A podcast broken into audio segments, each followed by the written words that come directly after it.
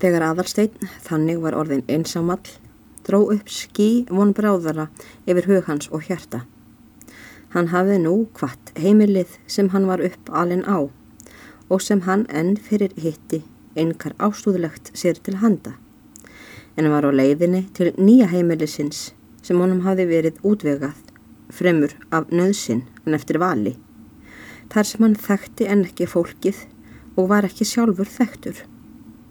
Hann gati ekki neitað að Jórun væri sér góð en hlaut þó að hugsa og segja við sjálfan sig hver mikill munur á Jórunni og Sigurbjörgu.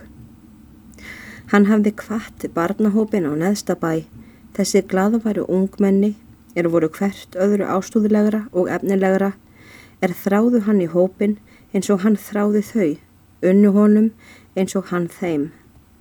En var nú á leiðinni til einsetunar til smaraþúfunar, þar sem hann fekk ekki að sjá sína líka, þar sem honum var fengin skinlaus skeppnan til að umgangast. Aðalsteini var þungt niðri fyrir, nú sem hann reið fram vegin að fossi. Hann var annars hugar svo mjög að heita mátti að hesturinn reyði ferðinni öllu fremur en maðurinn og það var ef til vill nú í fyrsta sinn að hann kveið fyrir að sitja hjá á fossi. Að vísu var langt frá að hinn ungi maður gæti gjört sér ljósa grein fyrir ástæðum sínum. En þó fann hann til þess óljóst á þessari stundu að smala þúvan er ekki hendur staður til að ala upp ungmenni á. Hann fann óljóst til hins mikla meins sem bagar mannfélaginu fremur ef til vill en flest annað að börnin verða eigi upp alin saman og eftir sameinlegum gildum grundvallar reglum. Heldur á sundrungu, sitt á hverju heimilinu, sitt á hverju smalaþúfunni, sitt í hverjum einræningsandanum. Hann fann óljóst til þess, eða kann vera að hann hafi ekki hugsað svo langt fram að slikt uppeldi hefur mikla bresti, getur naumast skapað samheldið og dugandi mannfélag og er einn mesta fyrirstaða gegn sönnum framfölum. Aðalstein reyndi að varpa frá sér henni þungu tilhugsun og knýði hestin til þess að ná í að bæinu í hugsin aftur af reyðinni, er honum þótti eingar skemmtileg. Og léttist nú lundin er hann tók að ríða greiðara. Hann náði að fossi nokkru fyrir miðaftan og var þá Jórun húsfreyja ókomin heim. Hann helsar föðurbróður sínum er komin var heim frá kirkjunni fyrir lítill stundu.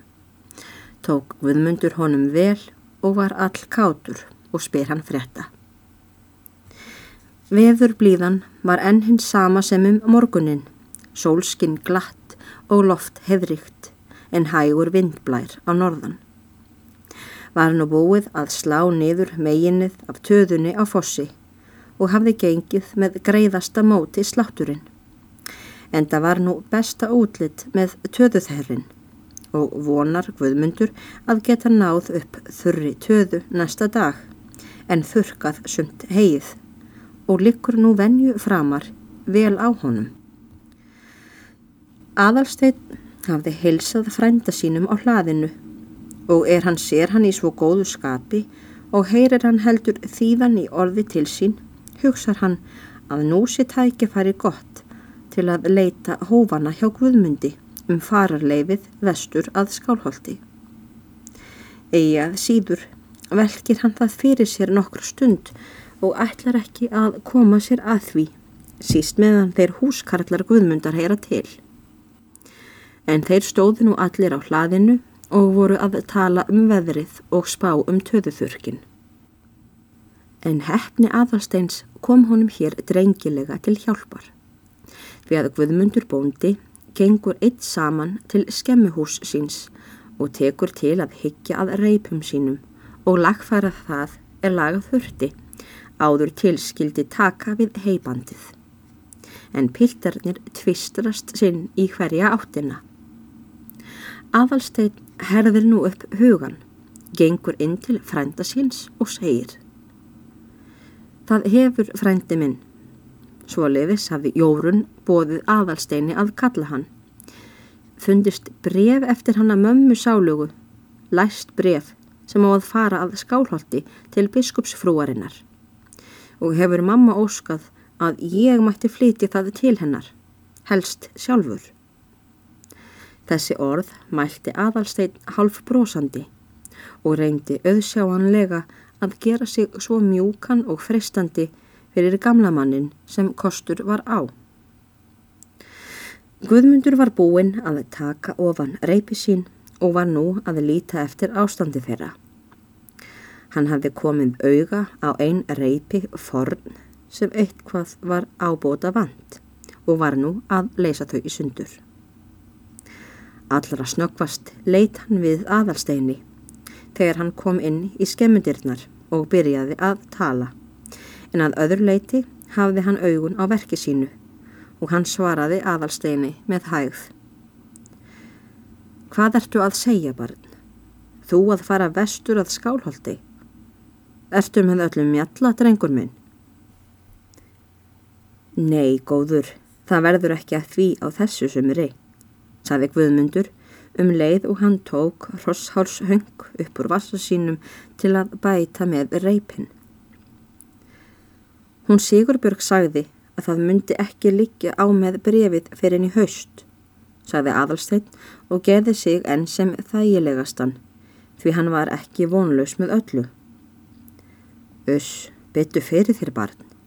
Það tekur engu tali að þú farir að ríða vestur að skálholti í aðra síslu, þú barnið sem var alltaf kant að ríða og það á haustægin þegar komin er allra veðra von og svo að leggja þér til hesti í ferðina nei góður minn það tekur engu tali segir Guðmundur og vefur nú innvirðulega hrossárskarninu utanum endana á tveimur reiptaklsspottum er hann hefur lagt á misviksl. Hún Sigurbjörg allar að hafa ráð með hestin. Og svo á Gunnar á neðstabæ ferð vestur í síslur í haust. Og honum gæti ég orðið samferða fram og aftur, segir Aðalstein og er nú orðin nokkru vondauvari en þó ekki vonlaus. Og vil enn reyna á hefði góða skap frænda síns. En þetta er ekki nema vittleisa frá upphafi til enda, segir Guðmundur, nú og skerpir röttina nokkuð svo. Fyrst skildi þessu brefi vera vandara um en öðrum brefum sem send eru manna á milli. Ég held það megi senda það með hverri ferð sem fyrst fellur og sé ekki nöðusinnlegt að þú farir með það og tók nú Guðmundur að nýta að er hann hafi sífa við reypið. Já, en það er sjálfsagt áriðandi bref og líklega mér til einhvers góðs að ég flyti það sjálfur. Ég má til að gera það fyrst hún mamma hefur óskað þess og beðið um það, segir Adalstein og heldur sér við efnið. Hann vill ekki hætta úr því hann er byrjaður fyrir en fullreint er um þetta mál. Ég vil ekki heyra þennan þvætting lengur. Þú ferð ekki eitt fet út af heimilinu. Það er annars líkt annari ráðdildinni, hennar móður þinnar að tarna, ef hún er upphafsmaðurinn að því, segir Guðmundur Birstur og sleit nú hrosshárskardnið í hendi sér um leið og hann reyði að reypa slitrunum. Aðalsteini þótti nú óvængast. Í þessu byli rýður Jórun húsfreyja í hlaðið. Hún fer úr söðlinum og hveður mannsinn er á samt aðalsteini var gengin fram á hlaðið og skilar hveðju frá hálsi. Síðan kastar hún hveðju á aðalstein og segir um leið. Nú nú drengur minn, er það búið að skoða þig fólkið á neðsta bæ? Ætli það haldi þú tórir sumarið út fyrir hór. En bæði hinn síðustu orðin Guðmundar og ekki síður þessi orð Jórunar flugu sem hvassar örvar inn í hjarta hins unga manns og sátu þar föstum hríð. Síðar um kvöldið kom yngvar á neðstabæ heim með ærnar eins og til stóð. Hann reið á burt næstum samstundis og tók með sér hestin, er aðalsteinni hafi leður verið og fylgir aðalsteinn honum út úr túninu. Talar aðalsteinn nokkur orð við hann hljóðlega.